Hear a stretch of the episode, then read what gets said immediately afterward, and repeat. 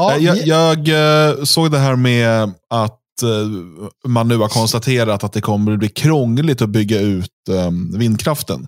Mm. För att det finns en konflikt mellan regeringen som tar beslut om att bygga fler vindkraftverk och de mm. som bor där vindkraftverken ska byggas. Ah.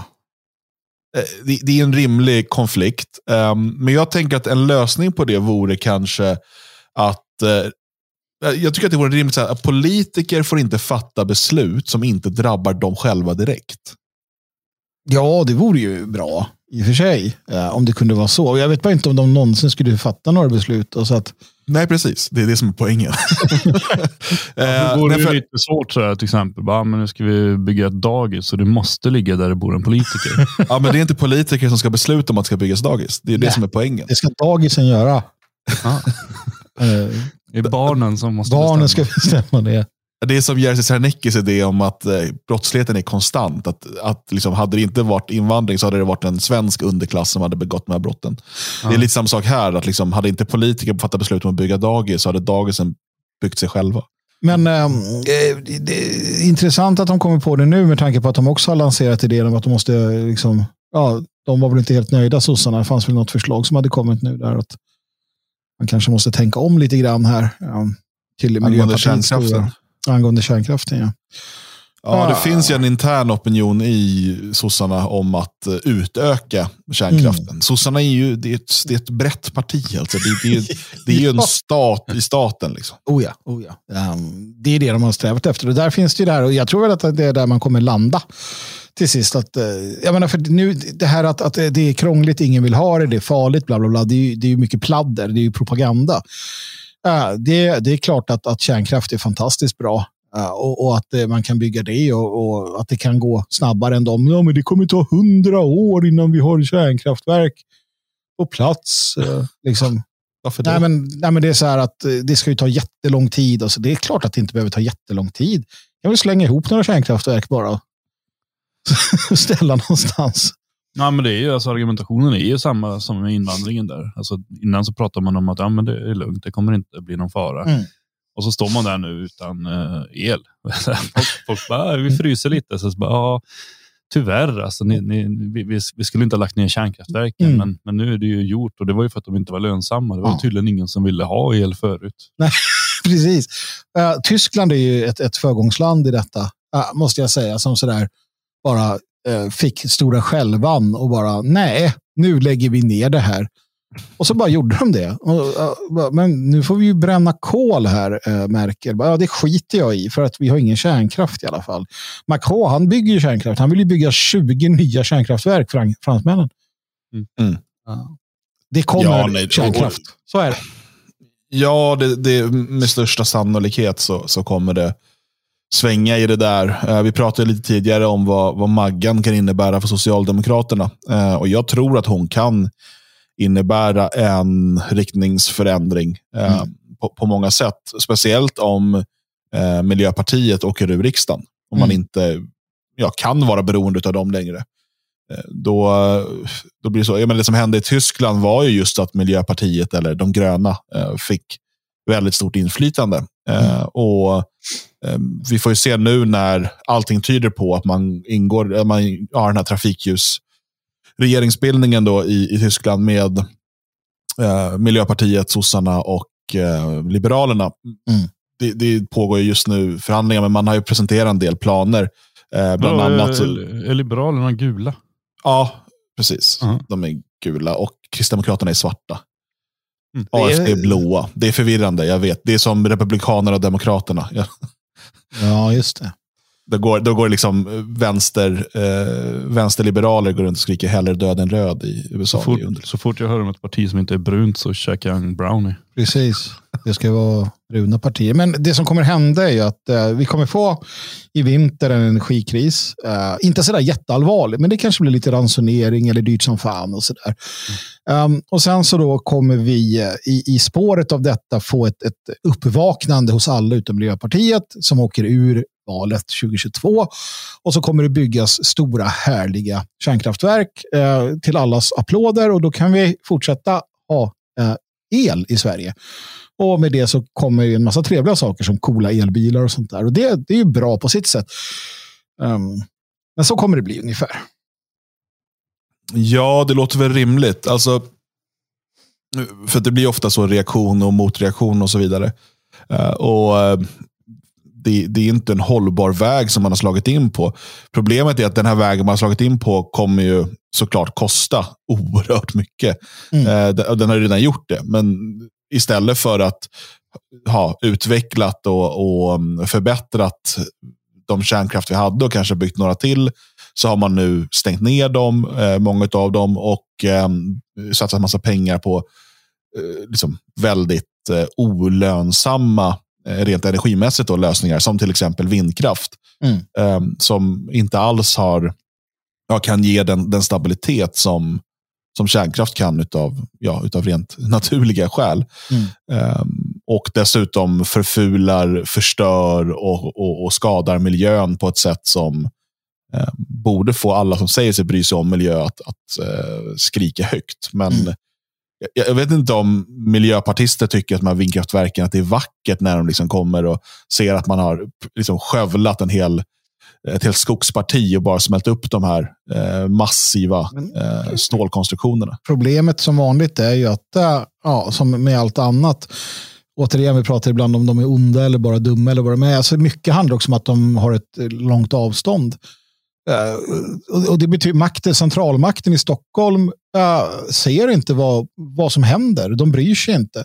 Utan de går efter prognoser och eh, ideologier och idéer. Uh, och, och, jag menar, Per Bolund var ute och åkte en el, han fick prövköra en elbåt vem här, eller liksom på landsbygden eller där, där, Sverige finns, vem har råd med en elbåt? Vem har liksom de här möjligheterna? De flesta hankar sig fram, men de skiter i det.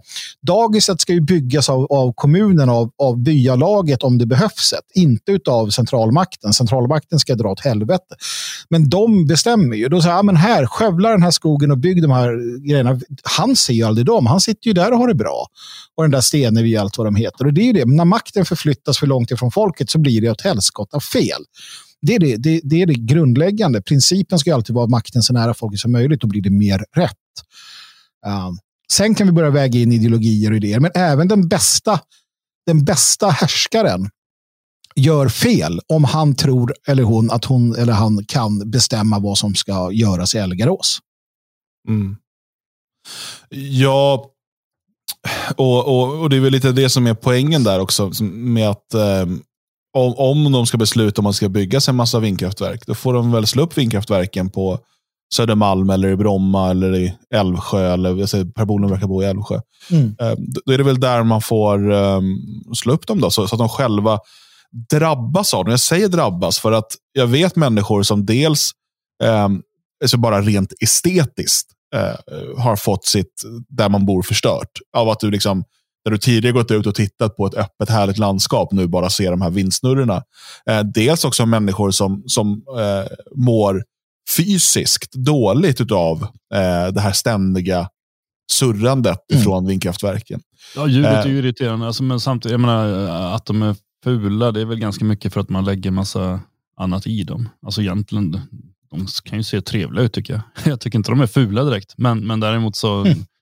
när man inser hur, hur lite el de faktiskt producerar så ter de sig ju tämligen meningslösa. Jag ser någon som tänker på uh, hur, alltså hur lång tid tar det för en sån där snurra att tjäna in den el som förbrukades på att producera snurrjäveln. Alltså det är ju fantastiska konstruktioner, de är ju gigantiska. Mm.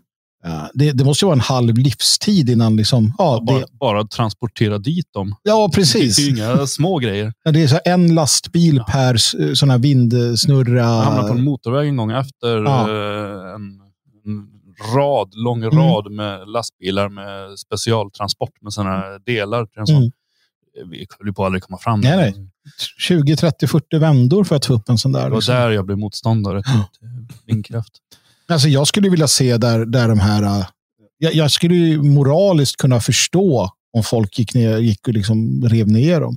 Nu är ju inte det det enklaste. också. Vad fan tror du? att Folk är Hulken eller? Man har ju hört Ja. dem slåss mot väderkvarnar. Ja, precis. Nej, men det, är ju, det är ju gigantiska byggen. Det är ju inte lätt. Liksom. Det, det räcker inte med lite Jag, men, jag menar, det stubin finns massa, definition, eller massa argument mot vindkraft. Och jag, jag kan bara konstatera att jag är inte emot nya sätt att utvinna energi. Att så här, det, nu har det varit kärnkraft i 80 år, då ska vi ha det i framtiden också. Så ska Mm. det alltid vara. Ehm, det är bara det att utav de alternativ som finns, ehm, så är, för mig är kärnkraften det mest stabila och mest ekonomiska sättet eh, och, renaste sättet Mm. att, eh, om man väger ihop alla de faktorerna, att eh, producera el på idag. Och då, det är klart att vi, vi skulle också kunna gå åt ett annat håll, men då måste man ju vara ärlig med det och säga att vi ska radikalt minska vår elförbrukning. Mm. Och Om det är det som är, då, då måste man ju säga det. Och då kan Men då ju, är ju kanske inte satsningar på elbilar det bästa. Precis, det är ju det som är, man kan inte göra liksom både och. Att, att dels ta bort möjligheten att producera relativt billig och ren el Mm. eh, samtidigt som hela samhället ska elektrifieras. Utan då får man ju, alltså, där måste ju då partierna eh, vara ärliga och det vore ju nytt för dem. Men det vore kul att prova och liksom säga det. Att, nej? Alltså den ekonomiska depressionen vi ska in i här, vi kommer inte Mm. se någon fortsatt tillväxt. Eh, tvärtom, alltså vi kommer nog förlora en himla massa arbetsplatser. Många av er kommer bli arbetslösa. ehm, och, men eh, ni kommer i alla fall ha kalla hem att bo i. Eh, Mm. Men vet ni, det är bra för eh, den här dyngbaggen. Eller Men det, det Det är kommer också... ju bli ganska trångbott också, så att man kan ju värma sig på varandra. ja. Jo. jag, jag är rätt glad i det alla är fall. förresten förbjudet vedugnar. Ja, för det gillar de inte heller. Men jag, jag har en så här fantastisk liten uppfinning hemma. Det är en kamin. Ja, Mm. Och den ger eld, eller den ger inte eld, den ger värme till... Ja, alltså, jag har på fullaste allvar funderat på om jag ska flytta in i ja, det rummet. Att så här, okej, nu är det vinter, då stänger jag sovrummet och sen så flyttar man in i vardagsrummet där man har den kaminen. Eh, för jag, jag tittade på det här med el här om sistens själv här. Eh, gjorde lite nya eh, elavtal. Och, då insåg jag att jag vet när jag flyttade till Tyskland och tänkte gud vad dyrt det var där. Mm. Det är alltså dyrare nu. Jag, jag, det är alltså bara de här jävla nätkostnaderna, det här fasta, det är över tusen kronor i månaden. Till det kommer eh, till det kommer då, då själva priset för el. Så att bara för att Elvio, som de heter, ska leverera el till mitt lilla hus, så har de, och så, sen att skatten ska in, för det ska ju in, eh, så det, det är tusen spänn plus per månad och det går inte att göra något åt dem. Det är inte en, det är inte en utgift jag kan påverka på något sätt. Mm. Den bara är där. Ehm, så att, eh, ja, nej, men det, det blir dyrt då. Så att, eh, det är rätt skönt att ha ett litet hus. Det är rätt, skö, rätt skönt att, att vara liksom van vid den typen av, av enklare och kallare förhållanden. Jag har inga problem med det. Jag kan tänka mig att många i vinter, framförallt så kallade stadsbor, kommer få det lite knepigt om det blir för dyrt. Ett problem är ju att eh, stadsbor, eh, och då tänker jag framförallt på liksom, storstäderna Stockholm, Malmö, Göteborg, eh, kommer inte drabbas av det på samma sätt. Nej, nej, de, nej det gör de inte. Dels så är ju elen eh, billigare om du bor i lägenhet. Eh, Mm. Alltså den, den fasta avgiften och så vidare. Men eh, dels så är det så, för det här är en sak som man ofta glömmer bort i, i debatten om liksom stad eh, kontra landsbygd. Eh, när vi pratar eh, energipriser och, och alla andra liksom, saker som man behöver i vardagen. Det är ju löneskillnaderna. Mm. Alltså vad folk tjänar i Stockholm och vad folk tjänar eh, i, i Elgarås. Mm. Eh, oavsett, liksom, även så, så, så, så kallade enklare jobb. Eh, men framför allt om du har liksom, lite utbildning. Jag pratar ingen liksom, att du, du behöver inte vara ingenjör, det är inte det jag menar. Men eh, att du har någon typ av utbildning i grunden, så är det, det är väldigt stor skillnad i lön. Vilket betyder att eh, för vissa omkostnader kan vara dyrare i storstaden, till exempel en, en hyresrätt eller så.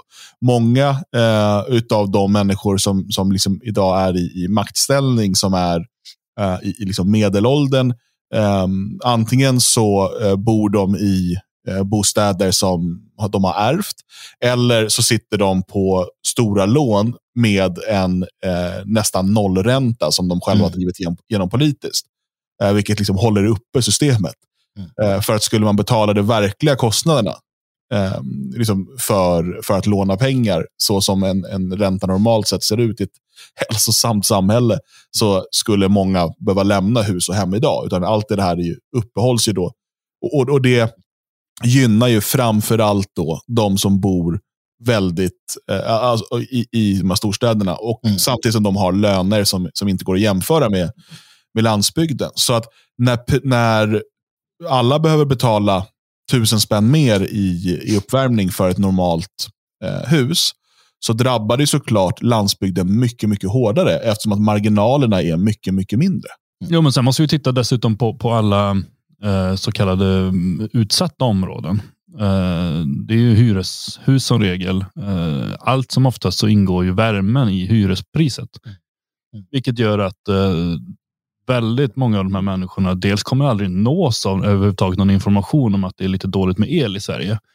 Utan det kommer ju brassas på ordentligt i vinter. Om, framförallt nu när det ser ut att bli en extra kall vinter. och de är vana vid ett varmt klimat. Mm. Där kommer det ju värmas på ordentligt. Eh, de kommunala hyresbolagen kommer få enorma kostnader. Ehm, socialen eh, betalar väl kanske somliga elvärmen och sådär. Men, men, det, men det lidande blir ju alla andra. Dels för att det går åt väldigt mycket ström åt de här människorna som fullständigt skiter i ett eh, alltså nationsbyggande. Mm. Mm. Det, det, går inte att gå ut och tala om för människor att eh, nu ska vi försöka spara lite el därför att det är bara goda eh, pensionärer som lyssnar på vad staten säger åt dem att göra den nya gruppen människor som har kommit hit, de är ju helt eh, ointresserade av vad, vad, Sverige har att säga. De vill, ha, vill de ha värme så värmer de på. Och sen kommer det vara en och annan arg eh, konservativ som kommer gå runt och dammsuga hela dagarna i protest också. Men det är ju bra. det är ju bra i grund och botten det som, det som händer. Ehm, för att det som måste till är att just de människorna som nu drabbas av detta och kommer drabbas, det är de som måste ilskna till. Centralmakten kommer se till så att städerna eh, har hyfsad lag och ordning, pengar, mat, eh, försörjningslinjer, Eh, el, värme och så vidare. För det är där de själva befinner sig. De kommer också se till att de här eh, gettoområdena har det så att det inte blir för mycket bråk. Det de känner däremot är att landsbygden och landsbygdens folk och mindre sådana här städer, så det, det, kan man skita i för svenskar. Det har man konstaterat, det är ett jävla pack som inte vågar göra någonting. Men med all rätt i, i många fall. så jag menar, Det som svenskarna accepterar utan att göra någonting är ju liksom, ja, det, det, är ju, det, det saknar motstycke historiskt sett.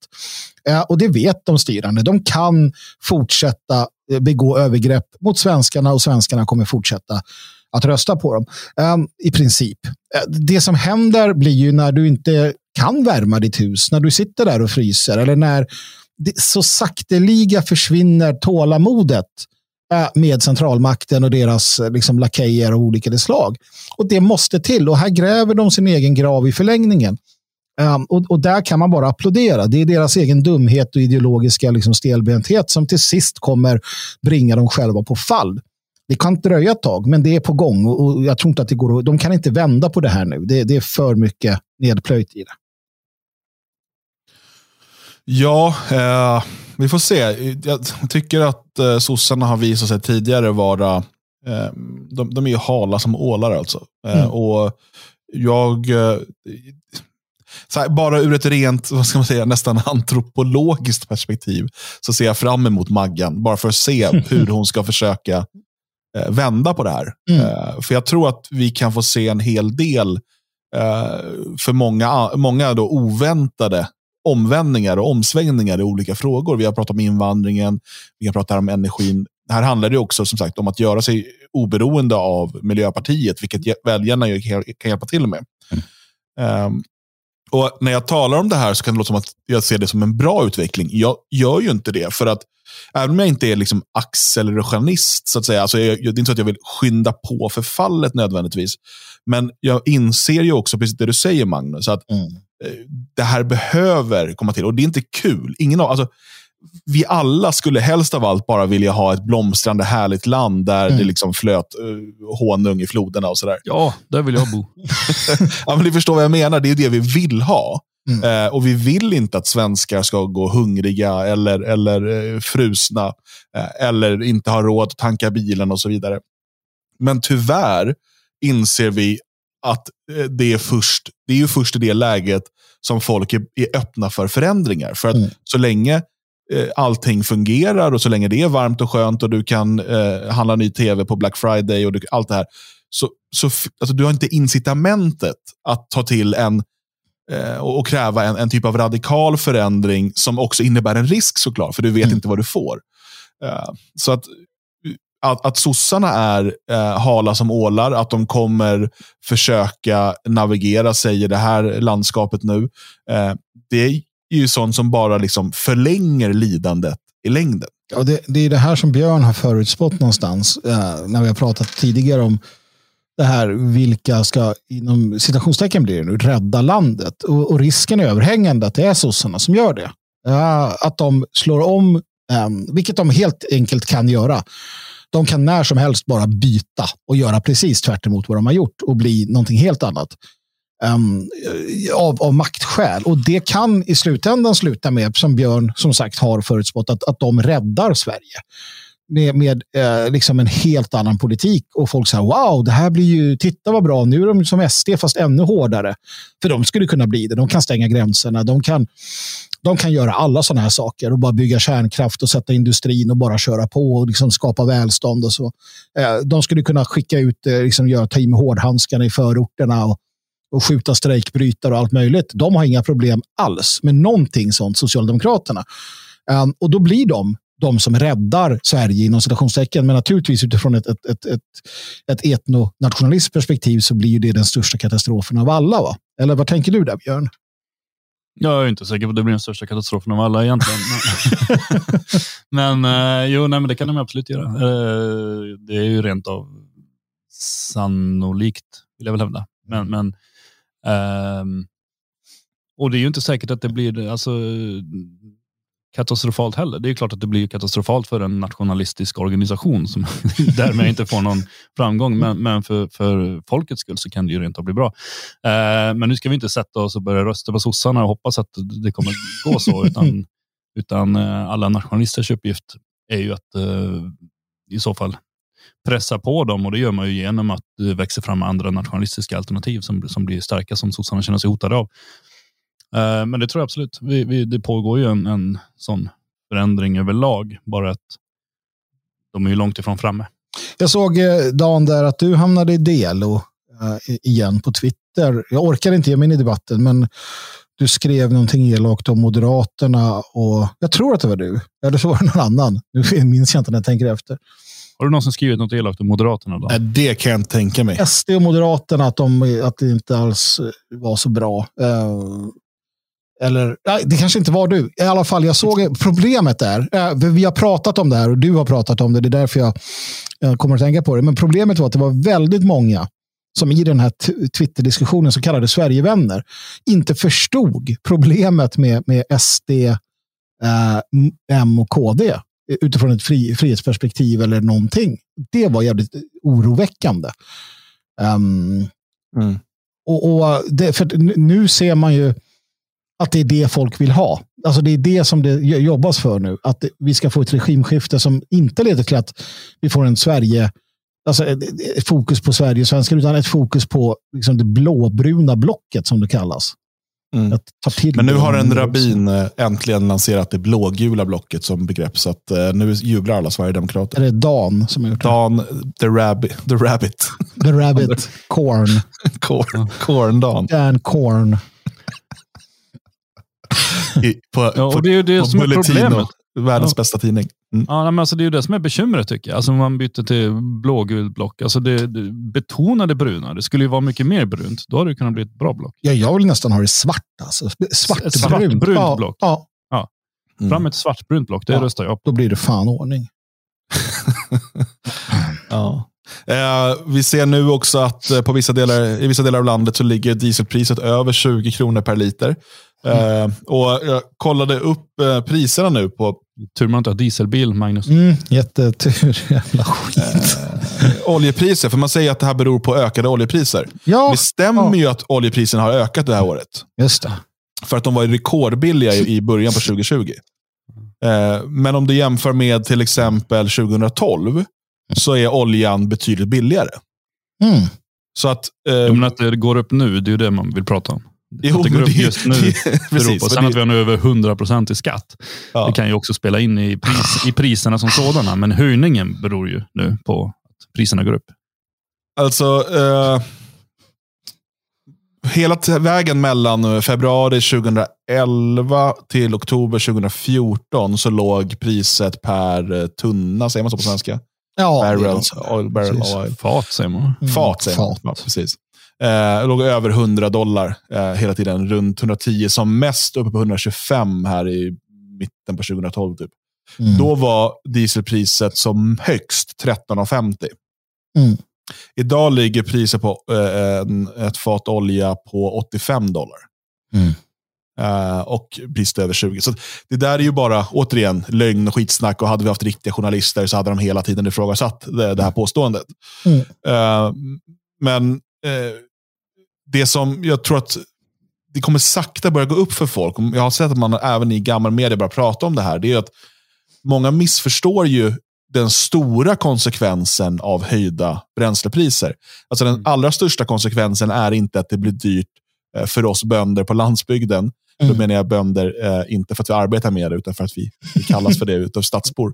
Mm. Um, att, att, liksom åka och handla, liksom, att, att själva resan till butiken eller resan till, till släktingen fem mil bort. Alltså det blir dyrare, absolut. Mm. Men den stora kostnaden kommer till alla som ska köpa, var, var det, alltså, speciellt eh, matpriser.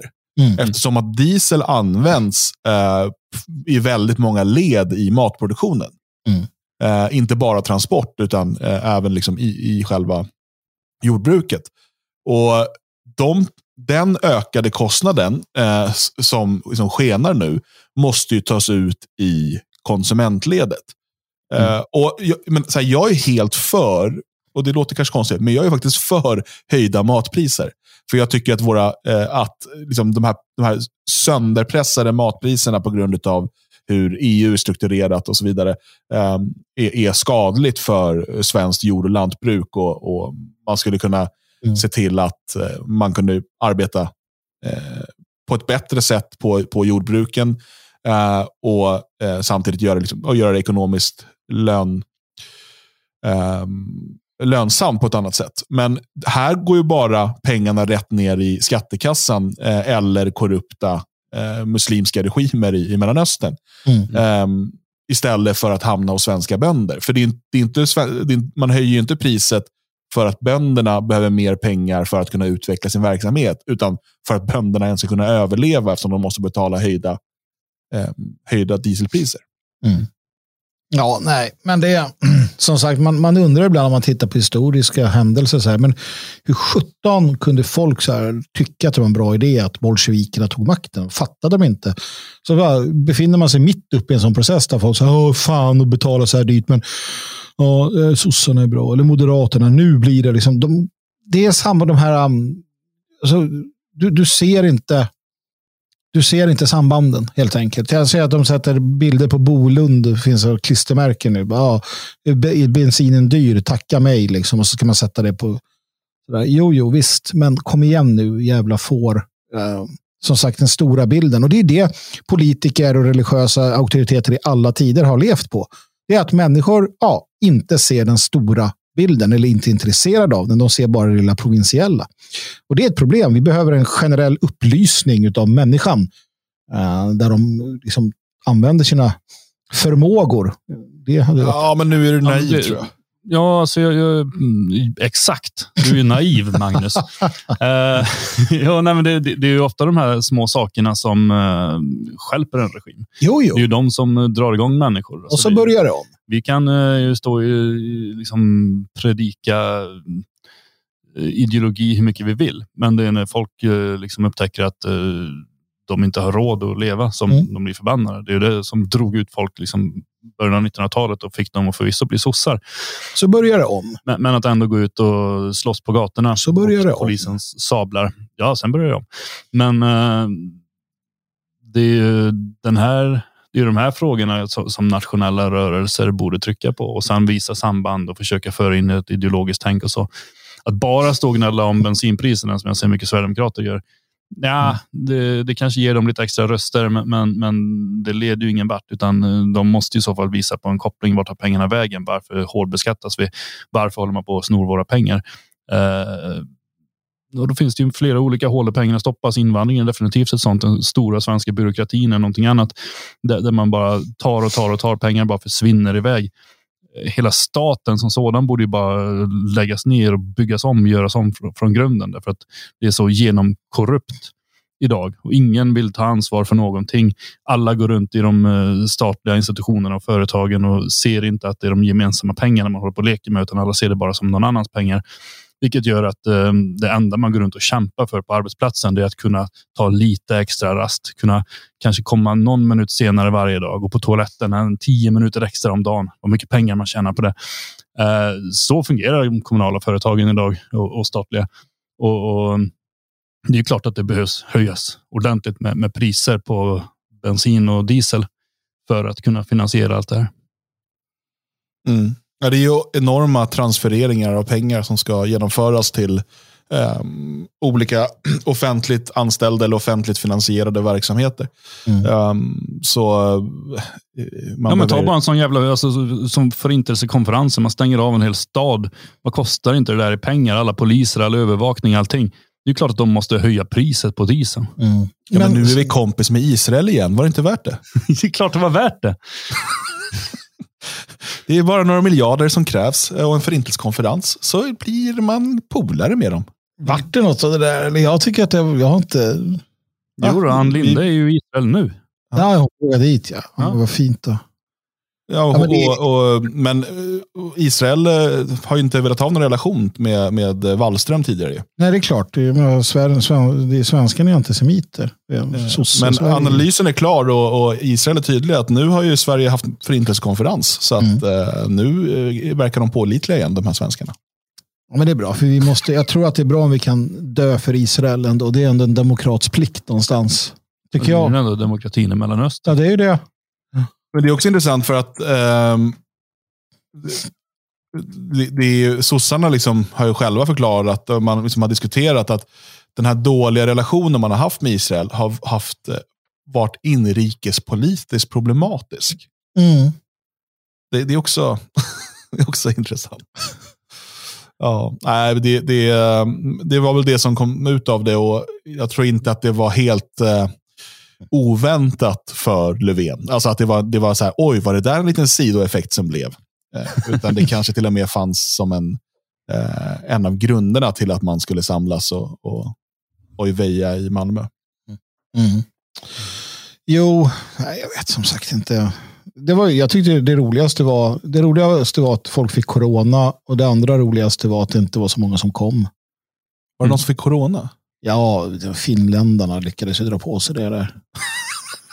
Det gick, när han, presidenten gick, han fick ju, flydde ju för livet, fick panik och gick och isolerade sig. hade corona ju, varit så farligt som de säger så hade det kunnat bli en riktig förintelsekonferens. Ja, men precis. det hade varit så, alltså, ja. Citera mig inte fel nu, Lehmann. Jo, eh, Men det, det, hade varit kul om, om förintelsekonferenser hade lett till en förintelse av ja, judar. men, Hur fan citerar man det där fel? det hade varit så, kanske inte kul, men lite dråpligt. Ja, ja, alltså jag, jag, precis. Jag tänker mera slapstick-roligt. Alltså. Ja, ja, ja, just det. Ja. Nej, men det hade det ju varit såklart. Som en ordvits hade du uppskattat. Ja, det är klart. Nej, men vi har mm. gjort vår, vår eh, plikt, eh, vår, vårt, vår så att säga, plikt till, till judarna. Ja, och nu kan vi leva på det ett litet tag till. Sen är det dags igen. Jag läste det, Ann Linde, nu, hon skulle, nu när hon skulle komma dit.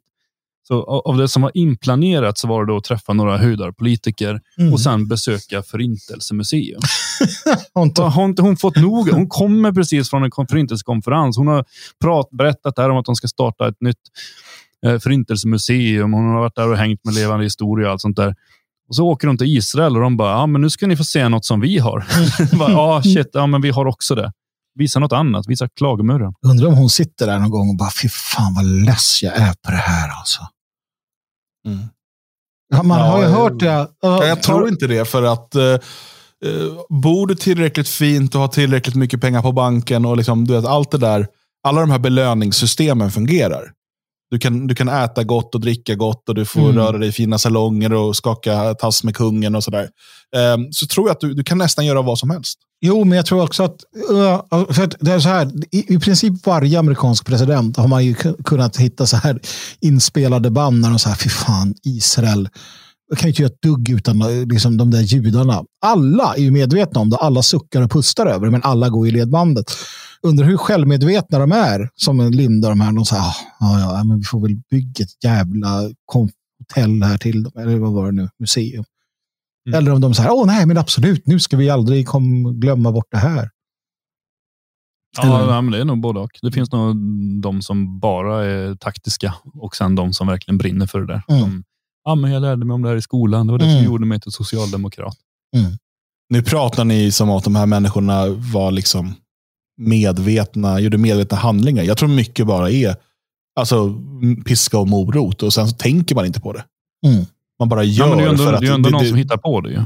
Jo, men det är som, som liksom, jag vet inte, katter eller hundar eller som lär sig att om jag gör så här så får jag mat och, och blir, blir klappad på. Eh, men mm. gör jag så här så får jag en elstöt i halsbandet eller vad det är. Sen är det ju jävligt lätt att ha de här, alltså det, det är väldigt lätt att eh, förespråka de här eh, idéerna och ideologierna när man liksom sitter på sin upphöjda position som du säger, när man får när man får belöningar, när man har det förspänt, då är det jävligt lätt att vara inom citationstecken liksom PK-moralisk. Mm. Jag kommer ihåg när, när jag var ett litet barn. Uh, och vi, jag bodde ju på en gård, så när vi tog in grisar, uh, jag köpte nya grisar, de köpte typ på våren och så gick de där och hade det gött och sen åt vi dem till jul. Uh, då, när man släppte in dem där, då försökte de ju alltid dra och så hade vi satt upp elstängsel runt och så sprang de mot elstängslet och snabbt tillbaka skrikande. Några lyckades ju springa igenom stängslet, men strömmen de hade fått i sig först gjorde de ändå livrädda, mm. så att de vände fast de var utanför och sprang in igen. Mm. Så här, livrädda och fattade inte att liksom, utanför fanns friheten. Det var bara en liten, liten tråd emellan där. Mm. Lite så tror jag politikerna är. Att de, de fattar inte att om vi bara totalt släpper det här judiska ledbandet så kommer vi bli fria. Men, men de är så pass livrädda för den där lilla smala tråden där så de vågar inte gå över utan de bara stannar och gör som de har blivit tillsagda och vet att då, får vi, då, får, då, då är vi så pass fria som de tillåter oss att vara. Och grisar är inte korser. Nej, det är det inte. Uh, Magnus, det du sa här förde mig in, uh, helt osökt in på en uh, krönika eller en kolumn som publicerades i Dagens Nyheter mm. igår eh, söndag. Um, Andreas Johansson Heine, vad har vi på honom? Vem är det? Vad, vad är det för typ? Timbro va? Uh, ja, Timbro, någon sån här trött konservativ. Ibland skriver han ganska bra texter och ofta inte. Nej, som sagt, rätt, rätt trött och, och ja, men som svensk sådär borgerlighet ofta är. Eller liberal borgerlig, jag vet inte vad man ska placera mm. Det är trött i alla fall. Trött är det. Mm. Han skriver i alla fall en eh, kolumn eh, med, eh, ja det handlar egentligen om det här med svenska zoner, men jag tänker att vi ska bara läsa första stycket. Mm. Eh, vi ska läsa mer sen, men vi börjar här. Nationer är synnerligen robusta skapelser. Väl uppståndna tycks ingenting rå på dem. Stater kan kollapsa, språk kan dö ut, kulturer kan förändras bortom igenkännlighet. Men hittills finns inget exempel på en nationell identitet som upphört att existera. Mm. Det är lite intressant att han har vissa poänger här eh, när han använder ordet nationer. Nationer är synnerligen robusta skapelser. Det håller jag med om. Eh, nationer i, be, i, i bemärkelsen att födas ur.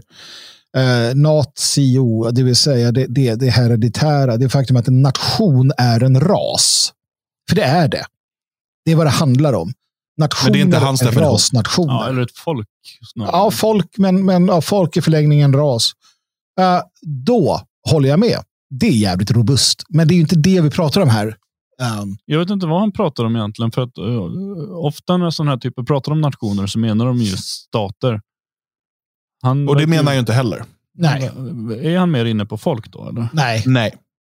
Utan han, han använder...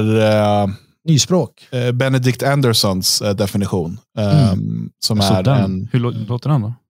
Att nationer är en föreställd politisk gemenskap. Mm. Alltså det han, hela hans poäng i det här är att nation är eh, att man, alltså,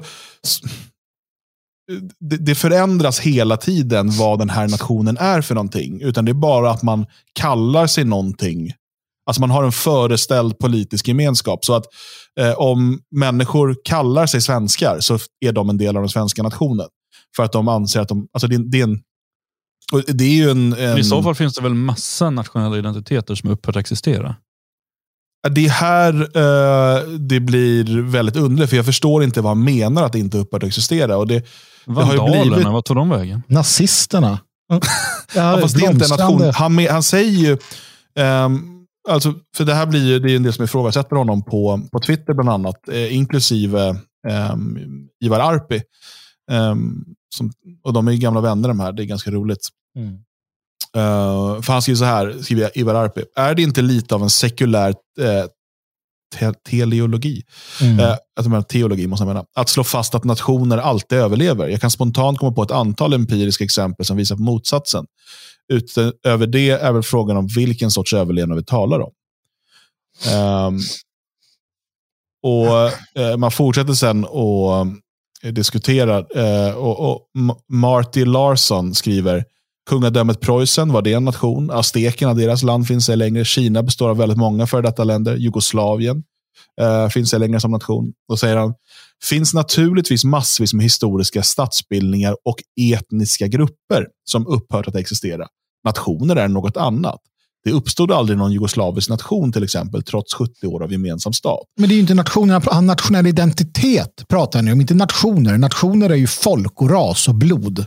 Han ja, säger ju inte... precis. Utan det han pratar om är ju då en politisk gemenskap. Mm. Alltså att man ingår i typ, ja, men vi skulle, EU skulle då kunna bli en nation till exempel. Mm. Eh, med tillräckligt mycket tid och, och, och, eh, förtryck. Men då fråntar han ju samtidigt då, typ, alltså romerna är ingen nation då? Ja, men de har nog en upplevd politisk gemenskap. Ja, i polit alltså politisk i, i, eh, definitionen, liksom det som rör det, nästan som kultur, det som rör det mänskliga, bla bla bla. Men alltså det, han, han snurrar ju till Han kan ju inte hitta på en egen definition. Jo, men det är det de gör jämt. Ja, och det, det, han följer ju lite Expos fotspår. Svenskarna bytas ut. Nej du, för alla är svenskar. Hela mm. världen består bara av svenskar om de vill. Mm. Nej, samma sak här då. Sverige, det kan heta vad som helst, bestå vilka som helst, så vidare. så vidare. Det finns alltid för evigt, men ändå inte. Och ändå gör det ingenting för Heino. Eh, vet inte vad han pratar om. Och det är det att han är inte van vid att någon säger ifrån eller säger emot och så kommer den där svekfulla Arpi. Nu blir det ju kaos för att alla inte är överens längre och det här är ju upplyftande. Mm. Ja, precis. Jag, bara, jag har inte läst Benedict Anderson. Um, det tror jag att väldigt få människor har gjort faktiskt. Tydligen så är hans uh, verk en klassiker inom social antropologi. Mm. Um, och um, så, här, så här beskriver man då på, på Wikipedia. Eh, en nationell gemenskap förutsätter en gemenskap mellan alla nationens nu levande medborgare, liksom även i det förflutna och i framtiden. Denna gemenskap kan inte vara annat än föreställd. Och Föreställningen måste bygga på en oerhörd förlängning av människans naturliga sätt att identifiera sig genom släktskaps och vänskapsrelationer. Nationalitetskänslan rymmer med andra ord, jämfört med det traditionella närsamhällets mer fysiska band, en unik grad av abstraktion. Nej, men vi, låt oss köpa detta då. Ja, här, oss... för det finns en poäng här, här. All form av social gemenskap som går utöver den lilla bygemenskapen eh, man mot man måste förvisso vara föreställd. Vilket de äldre formerna av makrogemenskap i religionssamfund eller dynastier gav prov på. Um, det, det, alltså det, det, finns ju en, en poäng här i att du, uh, om du ska känna gemenskap, om du bor i, i eh, Elgarå så ska jag känna gemenskap med någon i Haparanda. Eh, speciellt i en tid då det inte var så enkelt att resa däremellan. Um, för att ni båda är svenskar så kräver det en viss typ av det kräver ju en viss typ av abstraktion. Absolut. Ja, För vi har ju aldrig träffats, jag vet inte hur den här människan ser ut eller pratar. Ja, jag har ju eller. träffat honom. Men, men det, den bygger ju fortfarande på ras. Precis, och det, det är ju eh, det, det, det, naturliga sättet att prata om nation. För det, det är mm. det riktiga, det är därifrån ordet kommer. Mm. Uh, jo, jo, då är det ju rimligt. Men, men, men, men med det resonemanget då, så finns det ju ingen alltså, svensk nation. Alltså, det finns ju ingen nationalstat. Eh, det måste han ju också vara överens om då. Han kan ju inte bara plocka in en massa araber och afrikaner och diverse folkgrupper, placera dem i Sverige och bara nu ingår ni i vår nation. Det gör och så inte. länge de anser sig vara en del av den här föreställda politiska gemenskapen. Jo, men, men... Då, måste, de, då måste ju även de Alltså, visst, de kanske springer runt och tycker att jag är svensk nu, men även svenskar måste tycka att de ingår i den gruppen och det gör vi ju inte. Nej, och, och det, det är det här han angriper i sin kolumn. Uh, och Han utgår ifrån uh, Björn Söders tweet här om arabisk musik på bussen. Um, så här skriver han vidare. då. Nationernas överlevnadsförmåga är intimt förknippad med deras töjbarhet och anpasslighet. Vi är lika mycket svenskar idag som för en eller två eller fem generationer sedan. Men vi är det inte på samma sätt. Förändring sker vanligtvis så långsamt att vi knappt märker det. Plötsligt är en tradition utbytt mot en annan. Vad som en gång var främmande har blivit vårt. För de som säger sig värna allra mest om svenskheten framstår emellertid nationen som anmärkningsvärt skör. Nationalister ser hot överallt och inget upprör så mycket som själva förändringen. Det är ur detta perspektiv som en busschaufför som spelar citat arabisk musik slutcitat utgör ett tecken på islamisering. Men den vardagliga mångkulturen har de senaste åren kommit att problematiseras på ett nytt sätt av skribenter med helt andra ideologiska utgångspunkter än SD-politikern Björn Söder. Närvaron av främmande språk i offentliga miljöer kan motivera en kulturdebatt om obehaget i den demografiska förändringen. Ett obekant utbud i närbutikens frysdisk kan anföras som ett rimligt skäl att rösta på Sverigedemokraterna och så vidare. Ingen detalj tycks vara för liten för att inte provocera eller oroa. Ja, men, ja de, återigen, det handlar om ras. Och om bara SD kunde någon gång prata om det och alla som röstar på SD som vet det och inte hålla på och larva sig så hade det inte varit något problem. Eh, det är inget problem att lyssna på arabisk musik. Vita människor i en etnostat kan lyssna på vilken jävla musik som helst och äta vad som helst och i princip tro på vad som helst. Och dyrka i princip vilken gud som helst. Så länge det är en etnostat, så länge det är rasen i centrum, då är det lugnt. Eh, och hade bara SD kunnat säga det och alla andra bara, ja, men jag erkänner, jag är rasist, okej, okay, det är det här. Rasen är grunden i allt. Då skulle Heine inte ha något att skriva om. Men han kan ju hålla på så och larva sig, för att nu kommer en massa obekväma Sverigedemokrater sitter och ja men det är inte det. Vi, vi, nej men egentligen så, ja men vi tycker också att en svart man kan bli så eminent. Uh, det är bara dumt. Mm. Jo, uh, du tog orden av mig. Det var princip exakt samma sak jag tänkte säga. Mm. För problemet är ju att uh, när han skriver om nationalister så menar han ju Sverigevänner, Sverigedemokrater. Uh, det är ju de som krånglar in sig i det här. Uh, att, att vi anammar kultur, alltså att vi tar till oss av andra kulturyttringar. Självklart, det har vi alltid gjort, precis som han skriver. Det har alltid pågått, det kommer alltid pågå, det är sunt, det är naturligt. Man tar det som är bra, man lämnar bort det som visar sig inte vara bra. Och det är inga problem. Problemet är när man plötsligt tror att man måste importera 300 000 människor för att någon ska baka pizza. När man tror att vi, vi, vi har aldrig fått hit någonting utan att importera massa människor. Det har alltid gått jättebra. Vi behöver inte de här människorna. Vi behöver bara deras idéer. Det räcker. Sen gör vi om dem och gör dem till vårt. Uh, och Den utvecklingen är sund och naturlig. När man som sverigedemokrat går och pratar om svensk kultur, då får man problem. Därför att man kan inte säga emot det som skrivs i den här artikeln. Därför att man fastnar, därför att man inte vågar prata om etnicitet, om ras. Man vågar inte prata om att vi är svenskar, de andra är inte det. Eh, då, blir, då uppstår problemen och då, de kommer ha jätteproblem att säga emot den här artikeln. Mm, han skriver till exempel det. Nationers mystik gör dem svårdefinierade. Alla vet ungefär vad vi menar med nation, men få kan sätta ord på fenomenet. Nej, ras genetisk sammanhållning över tid. Generationer före och efter föds ur samma blod. Sangreal, det, det rena sanna blodet som nationen har. Um, där, ytterst, uh, där det ytterst är så att en, en, en väldigt försiktig... Men Magnus, vi är ja. alla, kommer alla från Afrika. Nej, det gör vi, vi inte heller. Vi alla samma anfader. Nej, det har vi inte. På steppen. Nej. Nej, nej, nej. Några tyckte det var för varmt, så de nej, nej det finns en nordistisk syn på detta. De följde efter sina boskap och sen hamnade några här. Atlantis så var det så lite sol. Så att, i den eh, mytiska tillblivelsen äh, har icke med detta att göra. Därav också de regressiva generna som, som vi har, som inte står klarare ut. Dumheter. Jag, jag försöker bara få dig att förstå att vi alla är en. Ja, jo.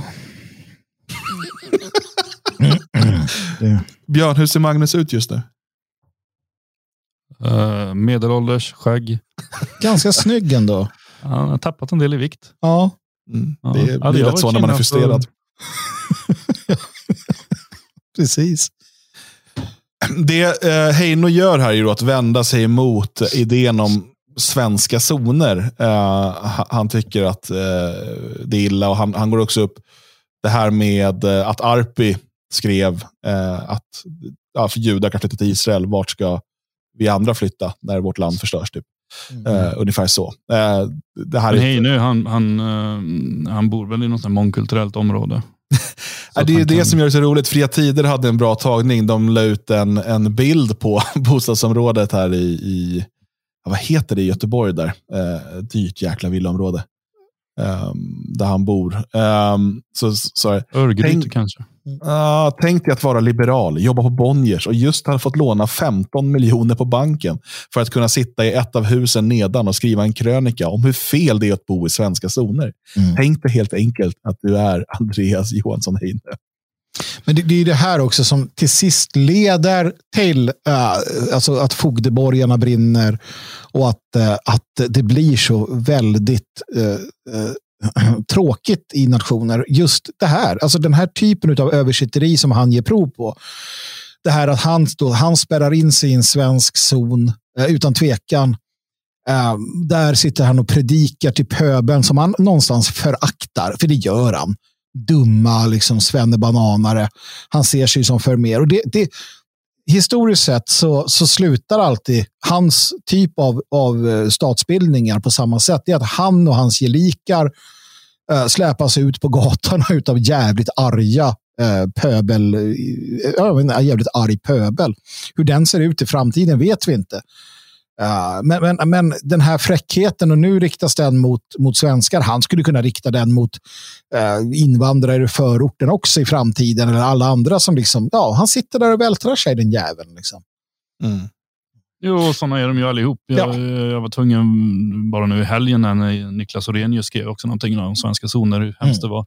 Titta lite på hans adress. Eh, det är ju samma sak där. Han bor ju förvisso i lägenhet och inte i en villa. Mm. Men eh, det var ju bara svenska namn i den trappuppgången. Och mm, jag kollade adresserna runt omkring så ja, det var någon främling där, men det var ju i princip svenskt. Lika, alltså, lika svenskt som en vanlig svensk by är idag. Mm.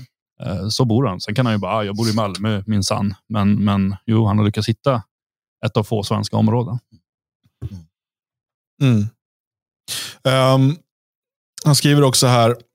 Lika lätt som det är att förstå den som vill flytta eller fly bort från brottsligheten, lika svårt är det att ducka de obehagliga implikationerna av idealet om ett nationellt hemland som skyddar majoriteten från minoriteten. Det är ju där också, han, han har ju tagit rygg på den nya definitionen av demokrati som kom i samband med Brexit och liknande. Att det inte handlade om, det här är något som Göran Rosenberg är inne på också, det handlar ju inte om självstyre, suveränitet eller så. Det handlar om att skydda minoriteter. Det är allt det handlar om. Och här tar jag en rygg på det och skriver in att det är det det handlar om också generellt sett. Nationen ska inte beskydda majoriteten. Den ska beskydda minoriteterna. okej. Ska vi liksom. problematisera det här lite då, för att vi, vi är så intellektuellt hedliga kufar? Absolut. Eh, för att det finns en poäng i att en... och- För när vi pratar minoriteter så pratar vi inte nödvändigtvis bara liksom etniska minoriteter. Jo, och sexuella. eh, det, det jag menar är att en, en, en demokrati, om den någon gång ska kunna fungera, eh, kan ju inte leda till majoritetsvälde. Alltså, och där minoriteterna, eh, vare sig den är liksom politisk eller religiös, eh, alltså att, att, att majoriteten ska kunna rösta för att vi ska bränna frikyrkor. Eh, för att det ska bara finnas Svenska kyrkan här. Nej, nej, men det handlar om ras. Alltså, det är det enda det Jo, jo, men jag menar det att det finns ju att en stat ser till att minoriteter, och det, man måste ju använda begreppet vad det är, det är bara att de inte är majoritet. Det kan ju inte vara att de är etniska eller rasliga. Eller Ja, ja. Nej, men jag, ja. att, man bara, att man inte får göra vad man vill för att du förlorar ett val. Ja. Eller för att du vinner ett val. Så att säga. Ja, Utan men det, det finns gör- grundläggande skydd och rättigheter du har som människa och som, som minoritet. om det, det skulle kunna vara vi som en politisk minoritet. Eh, att vi då ska ha rätt till yttrandefrihet och så vidare. Att det ska garanteras i någon typ av grundlag. Oavsett Jo, men- om majoriteten Jo, är- tycker annorlunda. Ja, men det är ju Självklart är fortfarande... det så, men det, Ja, det är ändå så här att om vi tar då minoriteten människor som inte kan spela fiol men har ett väldigt stort behov av att göra det. Det, väl, Det ja, betyder ju inte eh, att, att jag ska behöva ha han gående efter mig hela tiden. Nej, men det, Utan det då, kan, ju- då, kan man ju, då kan ju han skapa en förening för, för sina människor med, med, som måste spela fiol fast de inte kan. Så kan de hyra en ljudisolerad lokal och vara där. Det är ju ingen som vill hindra dem från det. De är en minoritet men de behöver ju inte springa runt i affärer och spela. Men vi ska ju inte ha främmande folk i vårt land. Nej, nej, det, det är Ja, men ju liksom Du pratar eh, om grund... minoriteter i stort. Ja, ja, men det är ju en annan sak. Det, det är klart vi tar hand om alltså minoriteter som är alla möjliga. De ska ju ha rättigheter och skyldigheter. Men främlingar ska ju inte Nej, de ska ju inte vara här. vara här. Ja, och är de här så ska de ha vissa rättigheter och en massa skyldigheter. Mm. Men, Han skriver också, men må- mångkulturen hotar inte den svenska nationen. Kom ihåg att en mycket stor majoritet av invånarna i Sverige alltjämt identifierar sig som svenskar. Jo, men de kan identifiera sig som flygande tefat. Det, är bara, det är bara dumt. Det är också så här, vad, vad är svensk? Så här, genomgående associeras svenskhet med vacker natur, självständiga individer, en välfungerande demokrati, hederlighet, jämställdhet, tolerans och en lång rad andra goda värden. Men här gör, vänta, förlåt, här gör han en viktig poäng. Eh, inte så som man har tänkt kanske, men eh, det är den här idiotiska definitionen som bland annat Sverigedemokraterna använder, andra, Mm. andra använder om svenska värderingar. Du måste dela svenska värderingar, då är du svensk. För det är ju precis det eh, som, som liksom Heine är inne på här också. För att det betyder ju då att de människor, de, de svenskar som levde 1870, eller 1920 eller 1960 för den delen, många av dem, inte är svenskar med dagens definition, eftersom att svensk är svenska värderingar. Ehm, och medan för oss som, som talar om, om ras, eh, nation, etnicitet, för oss är det, liksom, det är beständigt. Det, det är väldigt enkelt att liksom säga att det är självklart var de svenskar, för vi delar eh, blod och historia. Ja, man byter ju inte etnicitet för att man byter åsikt. Nej, men sen när fan var fjällmiljön och jävla svenskt honnörsord? Alltså, de flesta svenskar som någonsin har levt har ju aldrig varit i ett jävla fjäll. De skiter väl i det. De bodde nere på västkusten eller på östkusten. Man hade inte tid att åka till fjällen. När fan var det svensk natur? Eller en jävla urskogsjävel? Jag gillar öppna fält. Men kom inte dragandes med det. Titta här uppe i Tjockaberki. Jag skiter väl i det. Det är jättefint på bild, men det är flugor och elände där. Men, Ja, jag mygg. Nej, men vadå, det här är att jag har svensk natur. Nej, det är ju inte det. Du kan hata naturen. Nej, det, det kanske inte jag gör, men så här, var helt ointresserad av det. Och vara svensk. Det, Ja, det är men inte, svensk, det är svensk inte, natur är ju dessutom, det, det, det är ju inte ens en värdering. Det är, Nej, det är inte en något- det är någonting värdering. som är där. Ja, och de i Alaska, så här, vår natur, vi har större, vi- allt är större och snyggare, vi är jävligt självständiga, vi har demokrati, håll käften Svenne. Vi bara, ja, Om man som svensk då flyttar till, till Argentina, då är man inte svensk längre för att man inte går runt i skogen. Nej, man gillar den naturen, så här, åh, jag gillar det. Då var nej, du är inte svensk. oj, oj, oj. Jag som bor här i Skifferbergen i Thüringen och tycker ja, att det är precis. jättevackert. Du och dina skifferberg. Liksom. Du är tysk nu. Ja. Ja, du är typ tysk. Fast om man, bor i, om man bor i där vi bodde tidigare, då ska man gilla sump och sand. För det sjunger man till och med om i den där jävla sången. Det är sant. Ja, ja, Steige hoch, der rote Adler. Ja, Über Sumpf und Sand. precis. De, de, vi bor på sump och sand. Det gillar vi. Ja. Ja. Och då var vi en del av den brandenburgska nationen. ja, precis. Då var vi brandenburgare. Jag, jag vill helst vara hamburgare. Alltså, eh, det här är ju... Dumt. Men tror ni att Heine gör sig dum med flit? Jag tror att han inte Eller, räknade med... fattar, eller så här, fattar han inte vad det är som svenska zoner eller det fria Sverige eller så talar om när man säger att ja, vi vill... Ja, men jag, tror, jag tror lite grann, för dels så han tillhör ändå de som har problematiserat invandring i ganska många år. Alltså, som de brukar säga liksom att de var först. Eh, han har ju ändå varit lite kritisk i säkert 15-20 år. Eh, så att det här, han, han vill väl distansiera sig från svenska zoner och det som nu har pekats ut som högerextremt och då försöker han desperat hitta en förklaringsmodell som han kan ställa sig bakom. Eh, vilket han säkert gör och säkert tror på, eller framförallt så tror han att han har lyckats hitta någonting som räddar hans egen rygg. Jag tror att han har det är två, två saker. tror jag. Det ena är att han någonstans säger, han ser att okay, EU och sådär, man pratar om de här nationella identiteterna. Man pratar om att EU ska ha en identitet, vi är europeer och allt det där. Han hoppar på det tåget. Sen har han precis suttit och läst Benedict Anderson och, och så bara, åh, det här var lite smart, det här tyckte jag om. Och så gör han som så många andra. Då skriver han något utifrån det, bara för att han kom på att det här låter smart och jag gillar det här citatet. Han, han såg det här citatet så ville han ja, han såg föreställd politisk gemenskap. Så bara, vad kan jag göra av det här? För det är så ofta man gör när man skriver. Man dyker på något så tänker man runt det. Man tänker inte klart så skriver man det. Så bara, fan, det har inte helt rätt. Skit också. Och han, måste man ändå försvara det. Ja, och det sitter han nu. Han tänker, fan, det vart inte rätt. Och jävla Arpi som gamla polaren gav sig på mig. Och det är roligt för det, blir, det är lite så det ska fungera. Um, så att i sak har jag inget problem med det. Uh, sen tycker jag att han är dum. Ja, han är dum och han har fel, men det är ändå kul att han försöker. Ja. A for trying. ja, för det blir ju så. Alltså läser du det här och bara, liksom, va?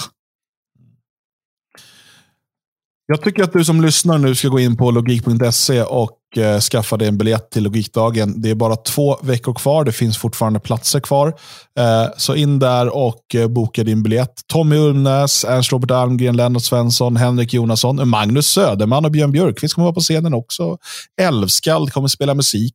Det kommer bli jäkla trevligt och intressant och god mat och allt sånt där som man vill ha av en härlig dag i eh, den nationalistiska litteraturens tecken. Så att, jag har ju kommit på det också, att man behöver ju inte ens tycka om böcker. Nej, för att få en fantastisk dag. För att eh, det är, de här människorna, det är ju, det är ju scenvana människor som kommer hitta på både det ena och det andra. Och det är trevlig gemenskap, bra människor som man kan umgås med. Så man behöver inte ens komma hem med en bok efter man har varit där, utan bara ha en fantastiskt trevlig heldag. Du menar att det inte är vid entrén så är det lästvång? Man tar, måste ta en bok och läsa den. alla, ska, alla ska sitta och läsa, och sen blir det förhör innan de kommer ut. det, det, är en framtida, ett framtida evenemang vi jobbar på. Men ja, inte det här. Detaljerna är inte riktigt klara än. Så att än så länge får ni nöja er med att det inte är tvångsläsning på Logikdagen. Uh, men det, det, är bara in och boka på logik.se och du som är medlem i det fria Sverige kan såklart boka uh, med 100 spänn rabatt på friasvenskar.se. Um, ehm, vad, ikväll har vi någon typ av livestream. Alltså? Just det. Ja, det är måndag. Det. Uh, och, ska vi sända 2030? Eller vi, vi kommer överens om någonting? Ja, vi kan sända 2030. Och då testar vi, för vi har ju kört 21.00 nu eh, ett tag, eh, sen, mm. sen comebacken av livestreamen. Eh, så att jag tänker att vi kör 20.30 redan ikväll. Eh, anledningen till att vi har slutat köra 20.00 är att vi alla har familj och barn och massa åtaganden på måndagskvällar som gör det väldigt svårt att hinna till åtta. Eh, men eh, nio har känt, jag, jag tycker det har känts som att man mest har gått och väntat sista tiden där på att kan vi dra igång snart. Ja, jag tycker att hela måndagen är en kaosartad dag som aldrig känns bra. För att det, ja, men det är det, och det ska vara så. Måndag ska vara liksom den jävligaste dagen. Det är, det är aldrig mindre än 12 timmars arbete Nej. på en måndag. Eh, sen för börjar att sen, helgen. Liksom. Ja. För, no för, några veckor sedan så stod jag här i studion klockan åtta och undrade var fan ni var någonstans. Mm. Så åkte jag hem igen och kom tillbaka vid nio. ja, men vi kör halv nio ikväll helt enkelt och så får vi se vad vi snackar om då. Vi har en del eh, klipp att titta på kan jag säga. Ja. underliga, underliga människor. Så blir det lite rapport från bygden också. Just det. Just det, det är mycket spännande. Där måste ni vara med och lyssna, för det kan ha hänt roliga saker i bygden. Ehm, um, Svegot.se så finns en spelare högst upp. Eh, annars är det bara YouTube, D-Live, Odyssey, Facebook, Twitter. Vi sänder överallt där vi fortfarande får sända. Vi jobbar hårt på avstängningen på YouTube. Uh, Motgift blev Holocaustade, gamla kanalen. Gamla DFS-kanalen borta. Jag är borta. Kväll med Svegot står när de andra faller. Uh, YouTube älskar oss. Uh, vi väntar på att få en sån här silverknapp som man får efter är det, 500 000 prenumeranter. Ja. Uh, vi får se helt enkelt. Uh, men det här var allt för podden den här måndagen. Eh, nästa eh, program kommer ut på torsdag. Då är det ännu en specialpodd. Och du som är stödprenumerant eh, kan såklart då eh, lyssna på den. Eh, och Nya stödprenumeranter den här veckan, eh, sedan senaste månadssändningen, är Jarendal. Det är David L. Expo. Ska vi stanna där? Ja. Expo har löst stödprenumeration på ett år. Tack Expo. Med eh, e-postadress jonathan.leman.expo.se. Då kan vi lägga Ja. ner prenumerationerna igen. Yes, Ja, nu det här vi var betalt. målet och jag gillar att de slängde in för ett år direkt så att vi eh, inte behöver, så att vi kan öppna upp. Pengar är ingen trång sektor. Eh, det är skatteåterbäring kan man säga. Johan D. Surfte, Kaliuga, Rudan och K. Eh, välkomna till Svegot-familjen allihopa. Eh, det finns ett gäng bonuspoddar att lad- lyssna på redan nu på svegot.se och en ny kommer nu på torsdag. Är du inte stödprenumerant så är det dags att bli det på svegot.se. Tack för idag och vi hörs på livestreamen ikväll.